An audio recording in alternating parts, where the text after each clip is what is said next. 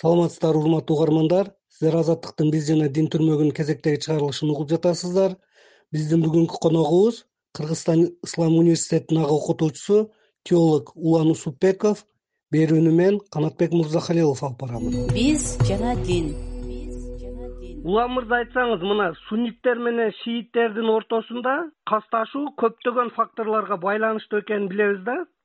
Маегибиздин башында алардын ортосундагы бөлүнүүнүн башатына башатына тамырына токтоло кетсеңиз эми сунниттер жана шииттер деп бул жерде биз шииттерге негизинен токтоло кете турган болсок шииттер өзүңүздөр билгендей ушу хижрий жыл санактын биринчи кылымынын акырында же болбосо э, биздин эранын сегизинчи кылымынын башында пайда болгон да. Эң негизи булардын пайда болушунун э, тарых сахнасына чыгышынын негизги себеби бул барып акыйда маселесине барып такалат да. Ал керез деген түсүнүк бар. Э, бул эме азирети алинин пайгамбардын керезинин негизинде мусулмандардын имамы лидери болгондугуна булар ошол акыйдасында ишенип келишет.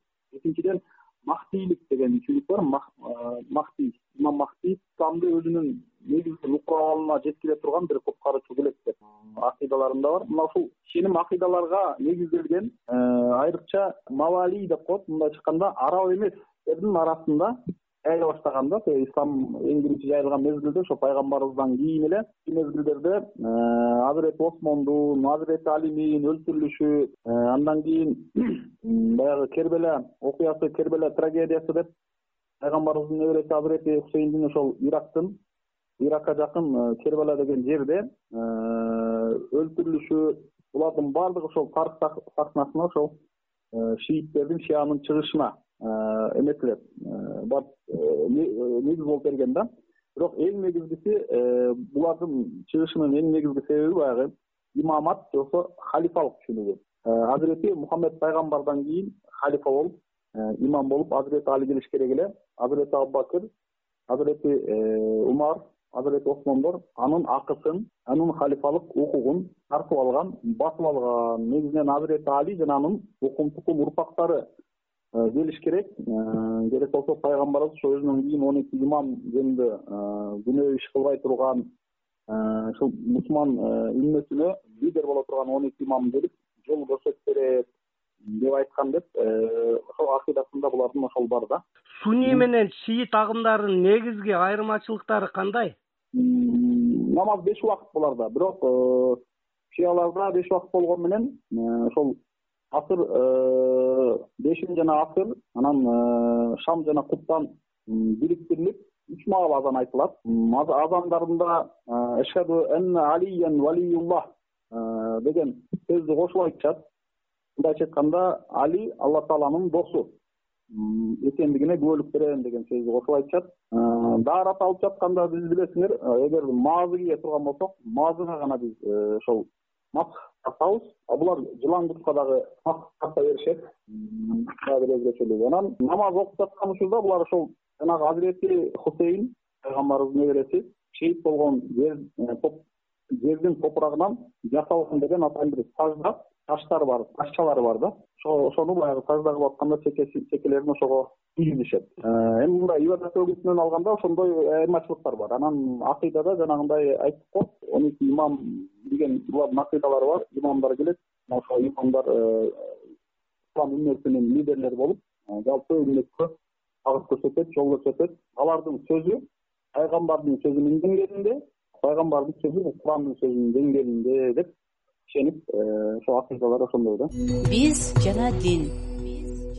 Шииттердин ичинде көптөгөн агымдар бар экендигин айттыңыз. Бул агымдар бири бири менен эмнесинен айырмаланышат жана шииттер кайсы өлкөлөрдө көп таралган? Эки миң он э, онунчу жылдарда санактар боюнча ошол бир жарым миллиарддан ашыгыраак э, бир бүтүн жүздөн элүү жети миллиард э, мусулман бар деп эсептелген. Анан ошонун бир он он үч пайыздайын бүгүнкү күндө шииттер түзөт да дүйнөдөгү мусулмандардын бир он он үч пайызы. Сан менен алганда изилдөөлөр боюнча ошол бир эки жүз миллионго жетип жете берген жетип жете бербеген сандары бар. Алардын көпчүлүгү бүгүнкү күндө кайсы жерлерде жашашат эң негизгиси дүйнөдөгү шииттердин үчтөн бир бөлүгү жашаган бул иран. Болуп эсептелет иран дагы ошол э, эң негизги эл ошол шииттер болуп эсептелет анан ирак бахрейн ливан азербайжан аймактары. Анан биздин орто азия аймагынын ичинде кыргызстанда да жашаган шииттер барбы албетте бар. Э, булардын ошол йемендегиси бул зайдия мазхабы же болбосо агымы деп эсептелет йемендин бир кырк беш кырк кырк беш пайыздайын түзөт. Бул ошо биздин ахли сунни жамаат же болбосо бизге сунниттерге эң жакын болуп эсептелет керек болсо шииттер буларды өзүнчө мындай азыр бөлүп өздөрүнүн агымы катары деле эсептеген учурлар бар да. Ошол эле учурда афганистандын бир он он беш пайызы шииттер пакистандын бир он он беш пайызы сауд аравиясынын бир он он беш пайызы түркияда да бир он он беш пайыз шииттер бар да. Булардын шиялардын кандай мындай негизги агымдары мазхабтары десек болот? Бар. Булар эң негизгиси имамия имамия бүгүнкү күндө ирандын расмий мазхабы сыяктуу имамия агымы болуп эсептелет шиялардын шииттердин андан кийин исмаилия андан кийин зайдия. Зайдия болсо ошо йемендин расмий мазхабы сыяктуу андан кийин нусайрия. Бүгүнкү күндө сирияда жана дурзия бүгүнкү күндө. Булар да сирияда жайгашкан. Мына жыйырма биринчи кылымдын башынан эле жакынкы чыгыш дүйнөдө маанилүү окуялардын сахнасына айланды да. Араб жазы диктатуралык бийликтердин кулашы куралдуу кагылышуулар жана региондогу таасирдүү оюнчулардын тирешүүсү эл аралык мамилелердин эң маанилүү темасы болуп калды. Айрым изилдөөчүлөр бул касташуунун себебин саясий тарыхый жана геосаясий келишпестиктерден улам чыгып жатат деп айтып жүрүшөт да. Ал эми кээ бирлери аймактагы абал суннит менен шиит жамааттарынын ортосундагы таасир талашуу же диний айырмачылыктардан улам болуп жатат дешет сиздин оюңузча мына. Бул чыр чатактарда диний компоненттин канчалык деңгээлде катышы бар деп эсептейсиз. Негизинен бул жерде ортодогу кагылышууну мындай баягы тарыхта ошо суннийлер менен шииттердин басып өткөн тарыхтагы жолуна карай турган болсок ортодо кагылышуулар согуштар болуп келгенби болуп келген? Осмон империясы учурунда э, шииттердин иран аймактарында түзгөн э, сахави сахавит деген мамлекеттери болгон ортосунда кагылышуу болуп келген. Э, бизде жеңип бизде жеңилип дегендейчи.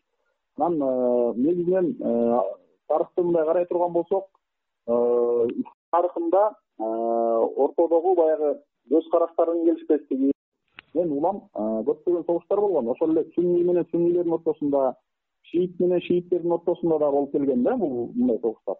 Анан э, сунни менен шииттердин ортосунда мындай согуштарга назар салсак алар э, мындай э, ортодогу жанагы мазхаб дин ушу акыйдага байланыш байланышуудан дагы көбүрөөк балким ал бир беш он пайыздык себеби болгон чыгар байланышта. Бирок көпчүлүгү саясий жана э, экономикалык э, мындай айтканда таасир талашуунун негизинде болуп келген да.